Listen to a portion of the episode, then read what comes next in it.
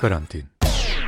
Da li je pandemija ubila bioskop? Radio Karantin ovih dana traži odgovor na to pitanje kroz seriju razgovora sa filmskim rediteljima i teoretičarima filma. Ja sam Aleksandar Kocić. Uzmi ženu. A moj današnji gost je jedan od najpoznatijih srpskih reditelja Srđan Dragojević. Evo, uvario sam ti oni kasete. Rane, Lepa sela, Lepo gore, Parada i naravno Mi nismo anđeli. Samo su neki od filmova Srđana Dragojevića. U razgovoru za Radio Karantin gospodin Dragojević priča o budućnosti bioskopa i budućnosti filma. Ti hoda popizdim jednog dana, ima na Jamajku. Ali se i još uvek seća prvog filma koji je gledao u bioskopu. Čućete kako je Dragojević gutao filmove u Beogradskoj kinoteci i Malom Odeonu, šta za njega znači izlazak pred festivalsku publiku i šta se promenilo u načinu na koji se filmovi prave za ovih 30 godina koliko on radi. Radio Karantin. Pa, znate šta, ja sam ovaj, tokom nek par decenija karijere ovaj, imao razna, pretežno dobra iskustva sa bioskopom. Imao sam ovaj, tu privilegiju da pravim filmove koji na neki način eh, po bioskopskim rezultatima pre, pređu tu rampu art house filmova i ovaj, imao sam čast da mnogo publike gleda moje filmove i ne samo u Srbiji već i u regionu i e, nekoliko filmova imalo i dosta dobre internacionalne distribucije, ali moram da priznam, primetio sam u poslednjih poslednju deceniju da se da bioskop više nije isti tako ovaj moj e, moje dva poslednja filma Parada i Atomski iz desna Parada je već imala dobre rezultate ovaj bila je distribuirana u celoj zapadnoj Evropi u mreži Art House bioskopa. Nakon toga Atomski iz imao ne više od 20% od, od tog rezultata. I sada, već sam tada shvatio da je bioskop e, institucija koja polako umire. Ona naravno nikad neće nestati. Ja se nadam, e, pogotovo što imam novi film koji je u korona bunkeru, i koji čeka da, da se pojavi.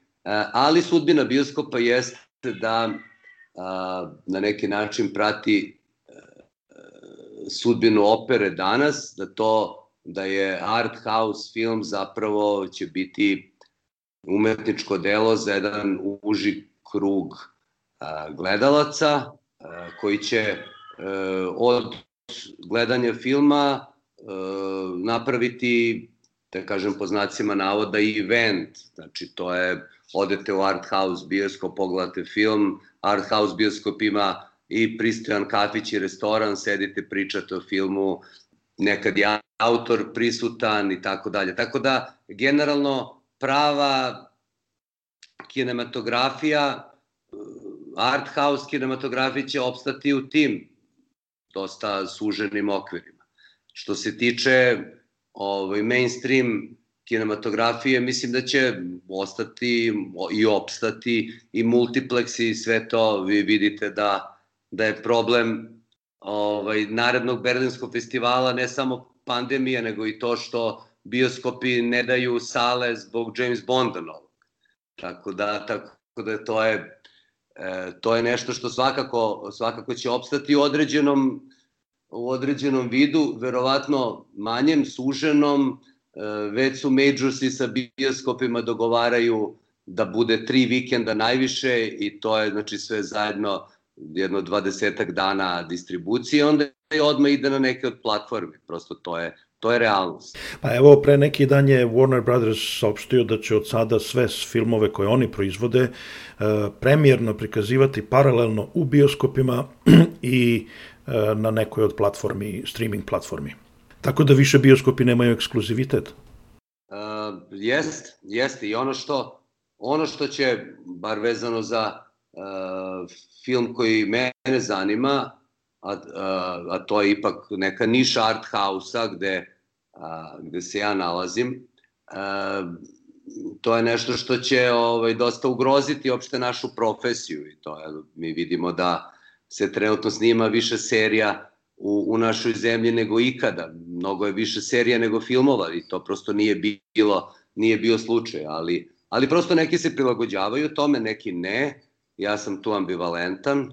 verovatno ću na kraju i, i ja uraditi, uraditi neku seriju koju inače jako volim i ovaj, često ističem da su, da su mnoge serije ovaj, bolje i kompleksnije od mnogih filmova danas. Kažite mi, e, za vas kao umetnika, šta vama znači da se film prvo prikaže ili da se uopšte prikaže u bioskopu? Pa, znate šta, meni, meni znači mnogo, što zapravo ne mora ništa da znači, ali ja jesam generacija koja je ovaj montirala e, s filmove, moja prva dva filma sam montirao na, na ovaj montažnom stolu e, u analognoj tehnologiji i nekako sam se prilagodio, treći film sam već montirao na e, ovaj na Avidu, znači na, na ono digitalno, na kompjuteru, pa sam onda svoj traka je opstajala, snimali smo i dalje na traci, pa sam onda svoj već sedmi film ili ne, osmi film sam već snimao ovaj, na Alexi, elektronikom i nekako to prosto gubite polako neke temelje ovaj, koji, na koje ste navikli, što je prosto normalna stvar, što je nužnost i, i nužnost je suočiti se sa tim, ali, ali naravno ovaj, stari način pravljanja filmova ima i određene, i određene ovaj, važne prednosti. Brzina je na jednoj strani, na drugoj strani je ona filmska traka, pa da napravite svaki rez ovaj, treba promisliti. Ovaj, znači, treba naći neki dubl među onim stotinama dublova na koji vise na na onoj na onim ovaj kako se zove vešalicama, ja više nisi ne znam kako se to zove, zaboravio sam. Ovaj i onda i onda prosto i onda prosto ovaj e, čovjek mora prvo mentalno, ovaj prvo u glavi da da razmisli šta će da uradi, a onda da to fizički e, ostvari. Tako da e, ta vrsta kreacije podrazumevala i neko promišljanje. Danas je lako pritisne dugme, probate razne varijante reza. Nekad je to, znate, moralo je da se, da se zalepi, pa da se, da se spoji, pa da se zalepi, pa da se presuje, pa da se pusti kroz uh, onu, onaj stub, uh, onaj, kako zove, sto montažni i to nije bilo isto. Isto, isto je tako i sa snimanjem, isto je tako i sa... Vi ste nekad imali 20.000 metara, 30, 40.000 metara trake i to je sve što imate. I onda imate za svaki kadar imate mogućnost da ponovite 3 do 4 puta, da napravite toliko dublova. Sada možete snimati koliko hoćete. I onda je prosto bila jedna pažnja, koncentracija čitave ekipe glumaca, reditelja, ovaj, zaista fokusirana da svi ti dublovi uspeju, jer nemate mnogo puta ponavljanje, što je isto dobro. A, tako da, s te strane, e, film je tražio više promišljanja. Naravno i kinematografija danas ima, ima određene prednosti. Možete raditi i za, sa manjim budžetom, možete raditi brže i, i ovaj, i to je, i to je neka, da kažem, neki benefit, ali, ali generalno ja, kao neko ko je već duboko u srednjoj generaciji, ovaj, pamtim i, i druge okolnosti snimanja, snimanja filmova. I oni mi se više dopadaju. To će biti isto i sa bioskopom. Mislim, prosto, prosto ovaj, ja sam jako voleo uvek da ovaj, imam premijeru svog filma, ovaj, da to bude neka svetkovina, to je e, proslava za sve nas, za sve autore, članove ekipe, ovaj, spremate se, uzbuđeni ste, e, sada prosto stavite film na to što ste radili na neku platformu ili na neki kabel kanal i, i to vam je to. E, kad ste spomenuli platforme, recite mi, vaši filmovi su bioskopski veoma uspešni u bivšoj Jugoslaviji. E, I sad, ako ljudi budu manje išli u bioskope, koje su, sa komercijalne tačke gledišta, koje su alternative za vas filmske radnike? Jer e, na zapadu imate velike platforme kao Netflix, Amazon Prime, HBO i tako dalje, ali balkansko tržište je malo, nema neke velike sobstvene platforme. Pa dobro, neki filmovi već naš, iz regiona, naši filmovi ovaj, već vidim pojavljuju se na uh, HBO i to. Mislim, ja sam imao sa HBO-om jedno loše iskustvo. Prvo, to je što su stavili moj, moj prvi film, mi nismo anđeli bez ikakvog pitanja i onda prosto mi smo, ja sam ih tužio i oni su morali da skinu te film i da plate odštetu. E, dakle, oni se i ponašaju prema e, malim kinematografijama kao da smo mi, ovaj, mislim, kao da smo u kolonijalnom statusu, što na neki način i jesmo.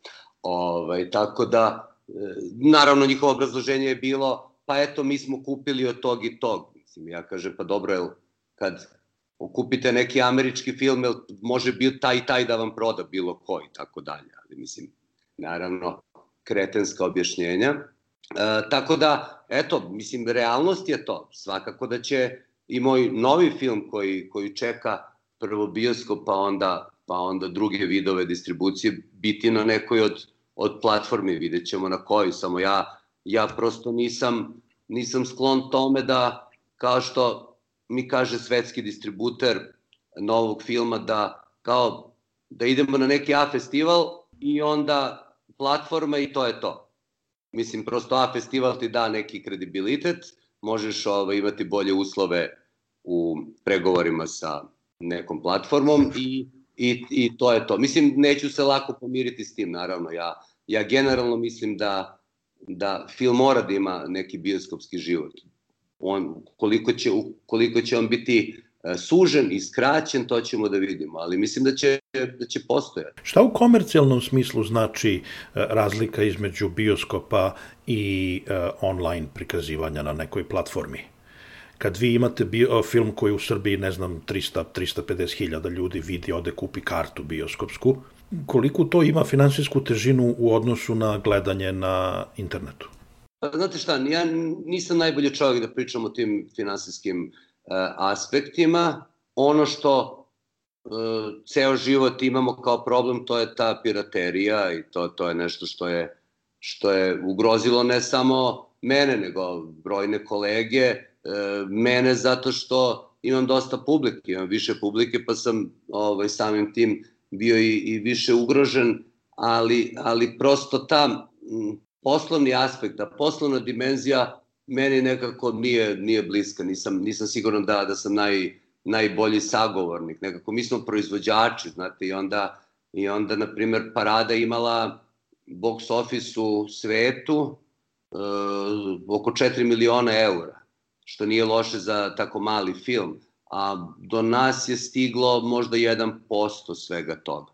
E, to su, prosto vi ste, vi kao proizvođači ste ste eksploatisani koliko i ne znam, oni nesrećni ovaj, e, poljoprivrednici kod nas koji prave maline i onda oni, oni prodaju po jednoj ceni, a u nemačkom supermarketu je ta cena puta 100, na primjer, i tako dalje.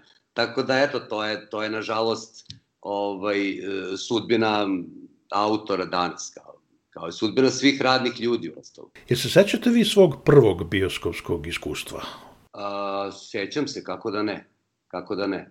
Ovaj, prvi, prvo bioskopsko iskustvo uh, mi, je, mi je zapravo bilo, čini mi se, na festivalu u Herceg Novom, to je na otvorenom za film Minis Anđeli, to je moj prvi film diplomski i ovaj, zaista je bilo fascinantno videti kako publika, kako na, tamo može da stane sigurno hiljadu ljudi, možda i hiljadu i po, kako reaguje ovaj, na, na, na film. To je onako, čujete neki smeh, huk, reakcije, to je nešto što zaista znači svakom autu. Ovo gledanje po platformama u, u trenerci i, ili pidžamije nema veze sa tim pravim bioskopskim iskustvom, naravno, to je nešto sasvim drugo. I sad i sad nije, meni znate nije, nije jednostavno ni, ni lako, ja, ja smatram sebe autorom koji e, mnogo polaže na ritam.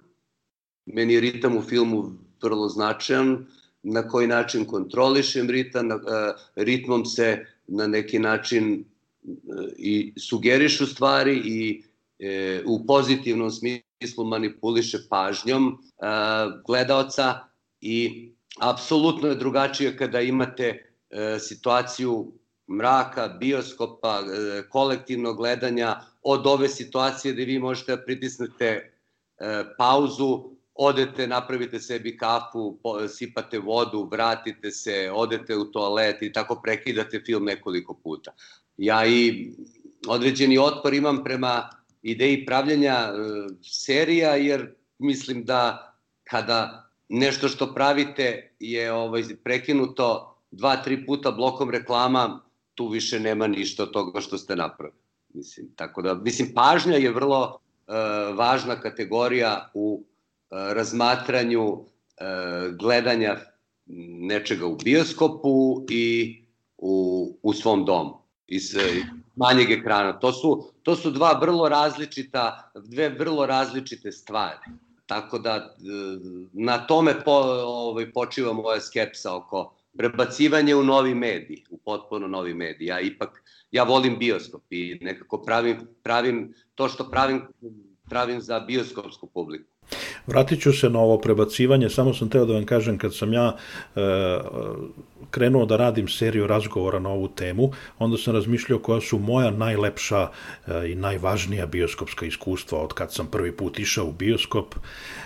I onda sam se setio da jedno od mojih najlepših bioskopi, e, bioskopskih iskustava upravo premijera Mi nismo anđeli na Kanli Kuli u Herceg Novom. Ja sam godinama pratio uh, filmski festival u Herceg Novom, jer sam tamo imao, tamo su roditelji imali vikendicu i onda sam izveštavao za Radio Pančevo i, i sećam se oduševljenja filmom i kako sam bio jedan od redkih koji se urnebesno smejao na onaj fazon Ljubim kasine, ide tata u rat. E, ćale, ćale, opet se igrat. Pa me prijateljica opominjala, čuti, nemoj se smeješ, bre, znaš, zajebana su vremena. I, ovaj, I posle toga sam čak imao i tu čast da budem dole u onoj, uh, onim lepim prostorijama ispod pozornice, da budem gost u festivalskoj hronici Radija Herceg Novog, Radija Herceg Novi, pa mi je bila velika frka, tu sedi, ne znam, Milan Vlajčić i koji sad ja treba, ne znam ništa o filmu, ali ajde kao novinar sam, pa onda i ja nešto da pričam. Ali ovaj, to mi je, za... i onda sam rekao između ostalog da možemo da idemo kući, ne mora uopšte dalje gledamo festival, jer smo videli već najbolji film, a mislim da je vaš film bio među prvima koji je prikazan, ako ne i prvi, jer, reko, konačno smo videli da su se reditelji okrenuli nekim drugim temama, a ne samo prinudni otkup žita i tako dalje, ovaj, kopanja po istoriji da smo videli nešto novo. Da, nažalost, taj film jeste ostao, ja sam se i naravno izezao tu i sa, sa štampom i sa, i sa novinarima da je evo sad ovo e, početak nekog e, e, ružičastog talasa u kinematografiji, to na kraju od ružičastog talasa ostalo jedino Pink televizija, jel da? Ovaj, ovaj, nisam baš bio, ovaj, nekako to je bilo predskazanje dosta zloslutno. A bilo je zapravo potpuno suprotno, da sam, ja sam nekako kao mlad čovek od 20, ne znam, nisam imao ni 30 godina, 28, 9. E, hteo da budem pomalo i aktivista i da kažem i ovo je kinematografija i ovo je film, e, možemo ovaj, ponuditi nešto drugačije od onog što je bio tada mainstream e, domaće kinematografije, jel da, ali mislim, ostao je taj film ovaj, u manjini, nije bilo baš, nije bilo sličnih. Ovaj, nekako ostao, ta naša kinematografija, ono, socijalne teme, glumac, ćuti, puši, zamišljen i tako. E, da li mislite da ako sada reditelji znaju da će njihov film najveći broj gledalaca videti na televizoru, a ne na bioskopskom platnu, da li se pristupa izradi filma, radu na filmu drugačije? Pa, znate šta, svi koji se bave filmom, nema nas baš tako mnogo u, u ovoj zemlji, a nema nas čak tako mnogo ni u regionu, mislim, svi se mi poznajemo. Ipak e, prave film za bioskop. Pretpostavljam da je sledeća generacija filmskih stvaralaca, reditelja, će biti ta koja će prosto staviti bioskopsko iskustvo kao nešto sekundarno i pravit će to za platformu, za televiziju, po, po naručbi i tako dalje. Ali, ali generalno vi pravite i dalje pravite film za bioskopsku publiku i to vam je, to vam je ideja. Mislim, teško i zamisliti da, da vi kao autor sad pravite ovaj film za nekog u, u gaćama sa pivom u ruci, jel da, u kući. Se, se sećate vi prvog odlaska u bioskop? Sećam se ja. Prvi odlazak, da ja pamtim, mislim, sećam se dve stvari. E, na jednoj sam bio jako mlad i više imam, da kažem, neku dosta mutnu ovaj, impresiju, praćenju snažnom emocijom. E, majka me odvela na fest da gledam e, Kena Russell, onaj film Demoni, e, sa Oliver Reedom i to onaj sa, sa ovaj, koji je jako brutalan, jel da i to i ja mislim da je, da je to bilo dosta šokantno iskustvo za mene. Ono što se bolje sećam, to je možda godinu, dve kasnije, bili su popularni na moru, oni otvoreni bioskopi, letni bioskopi, i negde u, u Crnoj Gori sam sa roditeljima gledao ovaj, Deset Božih zapovesti. Ovaj, to je bio onaj film od oko četiri sata, pa su, znam, prikazivali su ga ono, jedan dan prvi deo, drugi dan drugi deo i tako, ovaj, tako da je to bilo ono, za mene fascinantno iskustvo. Tako, dva, dva vrlo različita filma, jel da, a oba se tiču ovaj, e, hrišćanstva i vere i Boga i tako. Tako da eto, to su mi, to su mi dva, dva, ovaj, dva prva iskustva. I naravno, ceo život sam, ovaj, prve decenije života sam provao u kinoteci, neka sam zaista, ovaj, to je bilo u, u mom društvu pod mas da se ide da se gleda ovaj svako svako veče ili svako popodne se gleda neki film u kinoteci, a uveče se gleda nešto sa redovnog repertoara. Tako da su mi godinama išli, ono, gledao sam dva filma dnevno.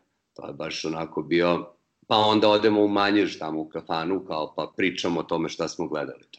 I ovaj, to je trajalo dosta dugo, mislim, na taj, ta, ovaj, to filmofilstvo me je nekako i usmerilo da upis da probam da upišem akademiju i to i da se i da se i profesionalno bavim filmom. E, pored kinoteke, ono što je bila jaka jaka fora uh, u to vreme, to je da znaš nekog ko, ko zna nekog u onoj cenzuri, to je bio onaj mali bioskop, mali Odeon tamo u, u, u Kneza Miloša i on, ja sam imao druga koji je poznavao nekog tamo i onda smo mogli da odemo ja mislim da je to bilo utorkom i četvrtkom, tako nešto dva puta nedeljno, to se prikazivalo za distributere i za cenzuru. I onda smo napred gledali nove filmove, po dva filma su je tu gledali, to je mali bioskop, ovaj, minijaturni tamo koji, ne znam, ima 20 stolica i prosto, eto, često puste i nas klince kao da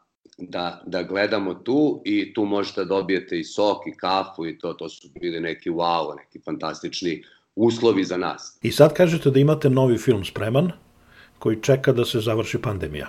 Pa da, mislim, to je film koji sam snimao, montirao prošle godine koji se zove Nebesa ili Heavens Above. To je jedna, da kažem, hrišćanska komedija ili hrišćanska alegorija od tri čuda koje se dogode u današnje vreme u jednoj zemlji koja posle pola veka komunizma se ponovo vraća hrišćanstvu i koja se otprilike nalazi na nekom, nekom stadijumu onog rano hrišćanstva gde pagansko i hrišćansko žive jedno pored drugog. E, to nije Srbija ovaj, specifično, to je može biti bilo koje od e, istočnoevropskih zemalja koje su posle komunizma su se vratile u, u hrišćanstvo i, i kapitalizam, tako da to je jedna Moja sestra je inače monahinja i ona, njoj se film jako dopada, ona, ona je i sama rekla da je hrišćanska komedija, da je to redko, jedan od redkih uopšte primera bavljenja, bavljenja hrišćanstvom i verom kod nas. Koliko je danas teško na Balkanu snimiti igrani film? Jer ja znam da vi često govorite o tome kako ako niste u, ako niste u ljubavi sa režimom, da je gotovo nemoguće doći do para u Srbiji trenutno. Dobro, uvek su tu bile razne prepreke i razni izazovi. Mislim, ono što je zapravo najveća prepreka to je što mi od filmskog fonda dobijemo jako malo novca, možda 15-20%, za razliku od e, ovih fondova u zemljama u regionu, bogatijim zemljama, pa i siromašnim zemljama. Tamo reditelji dobiju 40, 50, 60% budžeta filma. Ovde kad dobijete 15%, znate da vas čeka jedan mukotrpan put e, konkurisanja na sve moguće fondove u regionu, pa onda pokušate naćete neki fond u Nemačkoj ili Francuskoj koji je naklonjen uh, saradnji sa, sa Balkanom, sa zemljama ove regije, pa onda probate i nemačku ili francusku televiziju, najčešće Arte i na kraju idete i na Euro i Maž kada se približite sumi od 80% budžeta, tako da to traje. To je, to je proces koji traje pa sigurno dve godine, nikad, nikad nije bilo manje. Ja sam četiri puta u poslednjim filmima prošao kroz to i nikad nije bilo manje od dve godine da od dobijanja na domaćem fondu dođete do euro imaža na kraju. Ovaj, I to je, to je onako veliki izazov, mislim, pošto to je malan, mali novac sa, sa više mesta, taj novac mora da se potroši 70-80%, zavisi od propozicija na elemente tih zemalja, tako da ili snimate nešto u tim zemljama ili imate neke autore, ili glumce i tako dalje i sve te cene su daleko više nego ovde kod nas i onda taj novac znači mnogo manje i tako je to ovaj moj novi film košta pa skoro 2 miliona, milion i 800 uh, i to nije bilo lako naći. Snimali smo ga u Srbiji, u Makedoniji i u Nemačkoj. 2 miliona evra, pretpostavljam. To je otprilike koliko jedna prosječna epizoda američke TV serije. Tako je to. S tim što naravno kad bi neko dao neki mecena bogati dao novac za, za film, taj bi film koštao milion zapravo. Zato što su, to je, to je, da kažem, vrlo skup novac.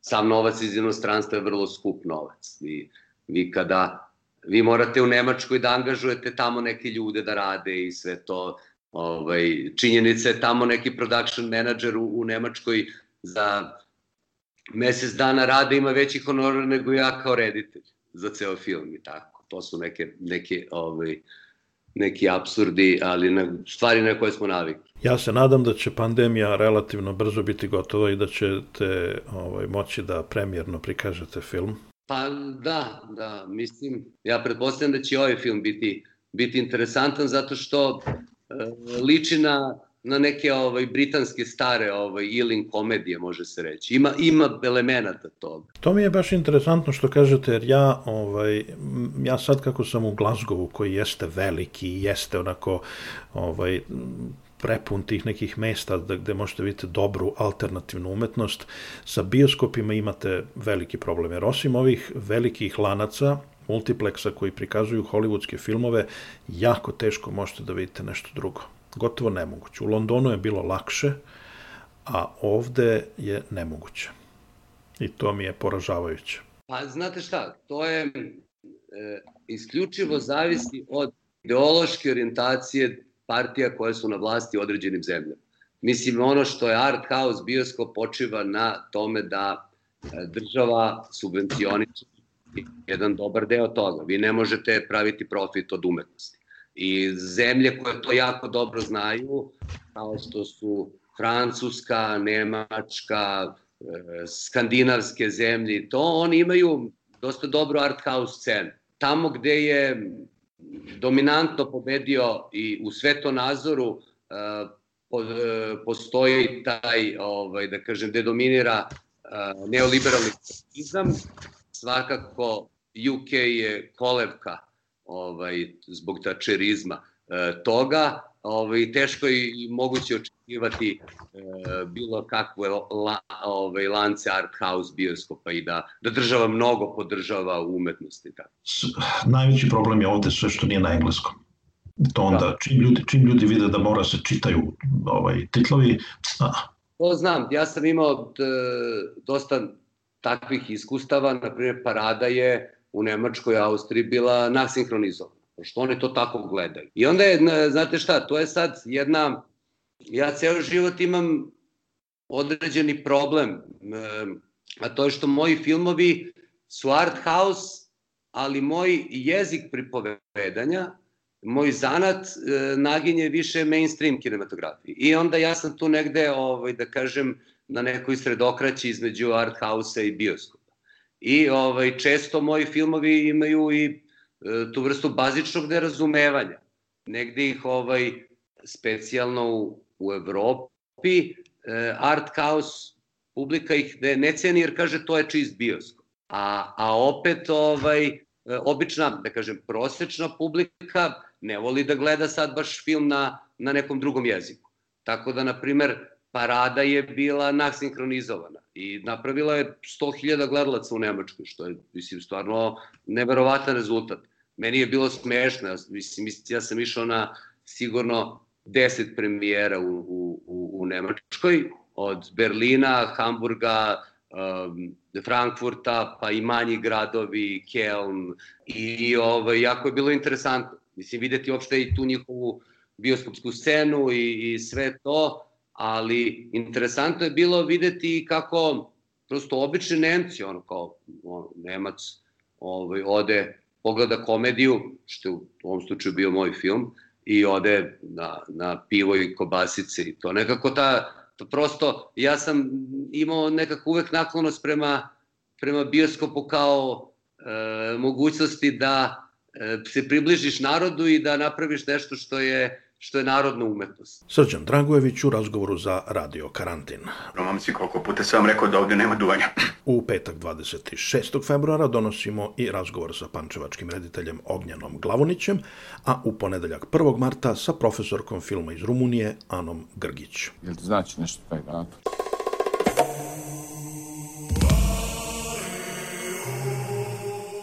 Ako vam se dopada ovo što čujete, molimo vas da nam ostavite komentar ili ocenu na sajtu na kojem ste nas našli.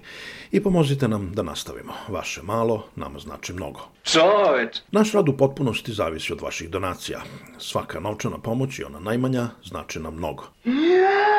Možete nas podržati stalnom, mesečnom ili godišnjom donacijom na Patreonu ili jednokratnom uplatom Paypalom. 564 milijarde, 832 miliona. Sve informacije naći ćete na našem sajtu radiokarantin.eu. Novac je bio na dohvat ruke. U martu Radio Karantin traži odgovore na ova ključna pitanja. Da li nas je pandemija učinila sebičnijima nego inače? To lutko!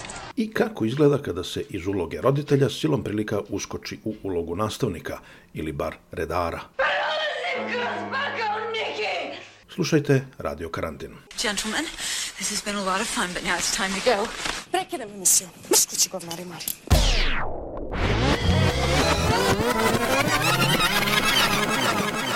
Radio Karantin